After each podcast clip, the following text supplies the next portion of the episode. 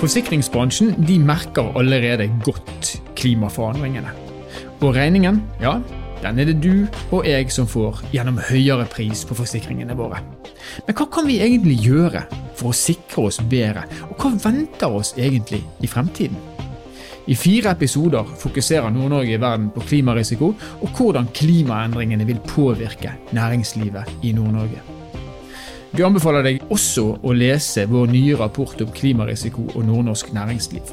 Rapporten er skrevet av Salt på vegne av Kunnskapsbanken for Nord-Norge, og du finner den på kbnn.no klimarisiko. Dette er Nord-Norge i verden. Mitt navn er Stein Vidar Loftaas.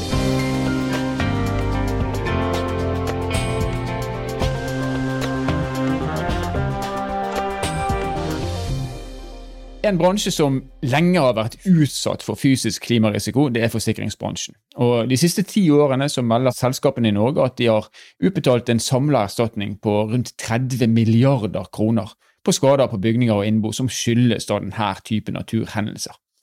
Norsk Klimaservicesenter peker på at i takt med at klimaet endrer seg, så vil også vår landsdel Nord-Norge måtte forberede seg på økt nedbør, stigning i havnivå, mer skred, mer flom, og jeg tenker jo med grøss og gru på mer nedbør i Tromsøbyen. Vi hadde åtte meter snø i vinter, men det er altså det vi har framfor oss.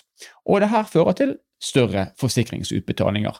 Og en som vet utrolig mye om forsikring og forsikringsutbetalinger, det er Turi Grotmod. Hun er administrerende direktør i forsikringsselskapet Fremtiden, og hun er med oss på telefonen. Flott at du kunne være med oss, Turi. Tusen takk for anledningen. Ja, det er vi som skal takke. Du, jeg har lyst til å starte med å spørre deg, eh, hvordan opplever dere at forsikringsbransjen påvirkes av klimarisiko? Ja, det ene jeg kunne ha lyst til å si, det er at uh, det har forundret uh, meg og oss de siste årene at når klimaet har kommet så høyt på samfunnsagendaen som det har, uh, så har det nesten utelukkende vært utslipp som har vært diskusjonen, og en slags følelse av at man kaster blikket veldig langt frem i forhold til å se på klimakonsekvensene det som er situasjonen for forsikringsselskapene, det er jo at vi sitter altså midt oppi det, har gjort det gjennom mange år. Registrerer, som du sa i introen din, at utbetalingene har steget kraftfullt. Og klimakonsekvensene de er over det norske samfunnet, og ikke minst norske forbrukere, eh, i, i, i dagliglivet. Og har vært det lenge, og øker på. Så eh, vi har rett og slett eh, vært litt nøye med nå at vi har formulert eh, samfunnsoppdraget vårt slik at vi hjelper og motiverer folk til å ta vare på sin helse, sine verdier og sine omgivelser. Og vi er der når det trengs. Og så har vi bestemt oss for å bruke stemmen vår til å engasjere og påvirke utviklingen i samfunnet. Mm. Og, det, og, når jeg sier forundring, så har vi altså måttet bruke litt utestemme for å komme inn i, i debatten de siste par årene. Men når vi da først har satt søkelys på disse klimakonsekvensene, eh, så, så opplever vi faktisk at vi blir hørt, blir lyttet til, og, og at uh, forsikringsselskapene, men ikke minst forbrukerne, kundene, publikum, at de uh, kommer til sin rett. Da, og får, ja, at vi får opp en debatt om hva det er som, som skjer rundt dem. Mm. Men hvis du ser på altså, nå har jo altså, klimaendringene, konsekvensene av de flommer, skred, eh, ekstrem nedbør alt, det, det, har jo vært noen år. Eh, og så eh, altså, Kan det være sånn at man, man som, som, et enkelt lite menneske føler litt sånn avmakt overfor disse enorme konsekvensene, men når det koker ned til at du må betale mer i forsikringspremier, da er det mer håndgripelig, og da er det lettere kanskje også eh, begynne å snu på hodet og finne ut hva er det vi kan gjøre med dette, altså for å unngå å måtte svi økonomisk? Eh, jeg skulle ønske at jeg kunne svart et uh, veldig klart ja på det. Men liksom, hvis du skal reflektere litt rundt dette, så er rett og slett eh, klimarisikoen i samfunnet i dag, den, den er jo slik at norske forbrukere og virksomheter de må i årene fremover håndtere et helt nytt risikobilde. Og det vil påvirke alle sektorer av samfunnet vårt. Mm. Og den fysiske risikoen du har på hus og hjem, den motiverer forbrukerne til å gjøre det du spør etter, nemlig hvordan kan jeg forebygge, hvordan kan jeg hindre at dette skjer hos meg? Hvordan, hva, hva, hva, kan jeg gjøre, bidra til i mine omgivelser for å redusere risikoen? Men um, det er ikke noen veldig sterke insentiver som ligger på uh, det politiske nivået, på lokalsamfunnet, til å faktisk forebygge i så stor grad som det vi fra forsikringssiden roper varsko om. Og det er et kjempedilemma i, i, uh, i mine øyne. Mm. Så det, en av de tingene vi har satt fokus på, det er dette samfunnsansvaret. Hvem er det som tar hvilket ansvar for å få i gang disse forebyggende eh, aktivitetene? Fordi du og jeg kan gjøre en del ting, og det er kundene faktisk ute etter å forstå. Hva kan vi gjøre? Rense eh, nedløpene våre, drenere bedre rundt husene. Altså en del ting vi kan gjøre. Men den litt større sammenhengen, der mangler det også det mangler koordinering mellom etater. Og det mangler eh, insentivene for å faktisk eh, ja, sette i gang de viktigste tiltakene. Da. Hvordan eh, kunne disse insentivene vært? Altså, i, i, dag så er det eh, slik at uh, denne Altså noe av det Når, når du snakker nedbør, da, som du startet med, så er det klart det at de um, Eh, nedbør fører til overvannsproblemer. Eh, så lenge overvannsproblemene eh, egentlig blir et problem for deg og meg som innbyggere, og vi kan rette det mot vårt forsikringsselskap, så har ikke kommunene sterke nok insentiver til å bygge ut sine dreneringssystemer og gjøre de grepene de burde gjøre i Eh, sin del av infrastrukturen osv. Og hvis du skal si noe om hvordan det kunne vært, så er det vel kanskje sånn at de, hvis kommunene hadde måttet ta et enda større økonomisk ansvar for å reparere, så hadde vel kanskje eh, de hatt et insentiv som var sterkere da, for å forebygge. Men du snakker om, altså bare på overvannssiden, så er fagmiljøene nokså enige om at du snakker om i størrelsesorden noen hundre milliarder kroner bare for å utbedre det som burde utbedres av infrastruktur som, som rør og, eh, og ja, det du graver ned i bakken. da. For å, for å, ta unna de vannmengdene du ser nå. Og Da har du ikke begynt å se på skred. Kjørpeskred eh, og, og leirskred osv. Det, det har du liksom ikke begynt å se på. Nei. Men hvis du ser, Nå, nå har du eh, lang fartstid i forsikringsbransjen, og du har sett den utviklingen som da har ført til 30 eh, milliarder i utbetalinger de seneste ti årene. Hvis du skal fremskrive dette, la oss si at, man ikke, altså at ikke der finnes de riktige insentivene, kommunen og staten ikke tar det eh, ansvaret i den grad de burde. Hvordan vil det se ut dette her fremover? Hvor ille blir det? Du vil ha veldig mange eh, situasjoner hvor hele lokalsamfunn eh, er preget av eh, flom, av frykt for flom, av faktisk flom, av opprydning etter flom. Og det vi har sett veldig mye av nå det siste året, halvannet, det er at det er stadig flere som blir berørt. Men veldig mange av de situasjonene som oppstår, de er veldig lokale. Og de berører ikke så innmari mange av gangen. Eh, og Derfor så slipper de litt lettere under radaren enn der hvor du får liksom hele eh, samfunn som tas av skred, eller veier som tas av flom osv. Så, videre. så eh, jeg, er, eh, jeg er redd for at stadig flere blir berørt, eh, men, eh, og at dette blir liksom en en, en, en, del av hverdagen vår, nærmest, som vi må forholde oss til. Det at eh, deler av omgivelsene våre og vårt eget hjem står under vann, eller er preget av det. Eller at vi har frykt for, eh, for ras osv. Ja.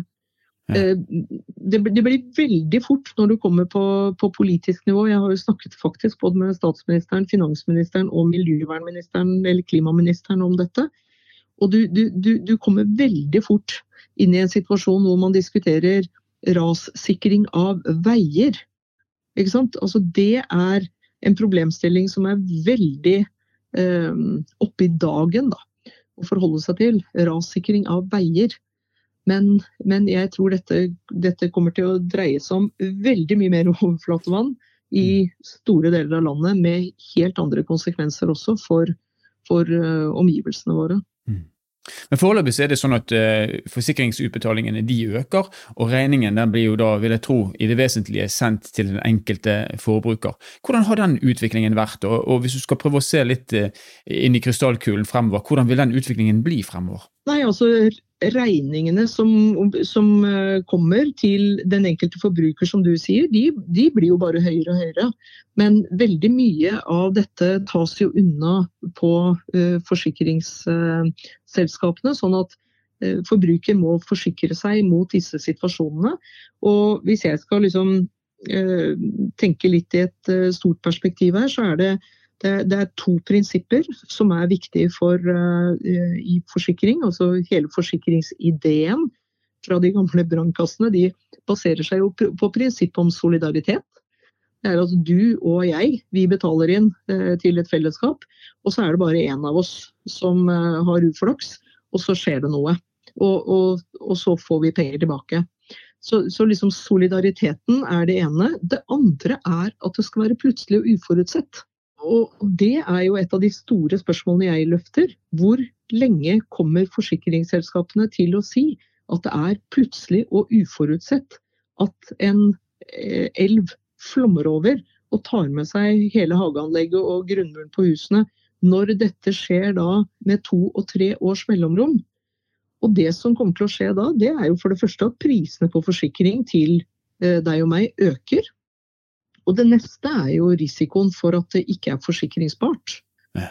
Og når jeg nå fokuserer veldig på, for, på, forbrukere, så er det jo ikke bare forbrukere dette gjelder. De får jo nå telefoner fra småbedrifter som lurer på hvilke kommuner som er trygge å etablere seg i. For de har fått eh, tilbud om å starte virksomhet eh, sånn og slik, og kan ikke risikere at varelagrene deres står under vann eh, annethvert år osv. Så, videre.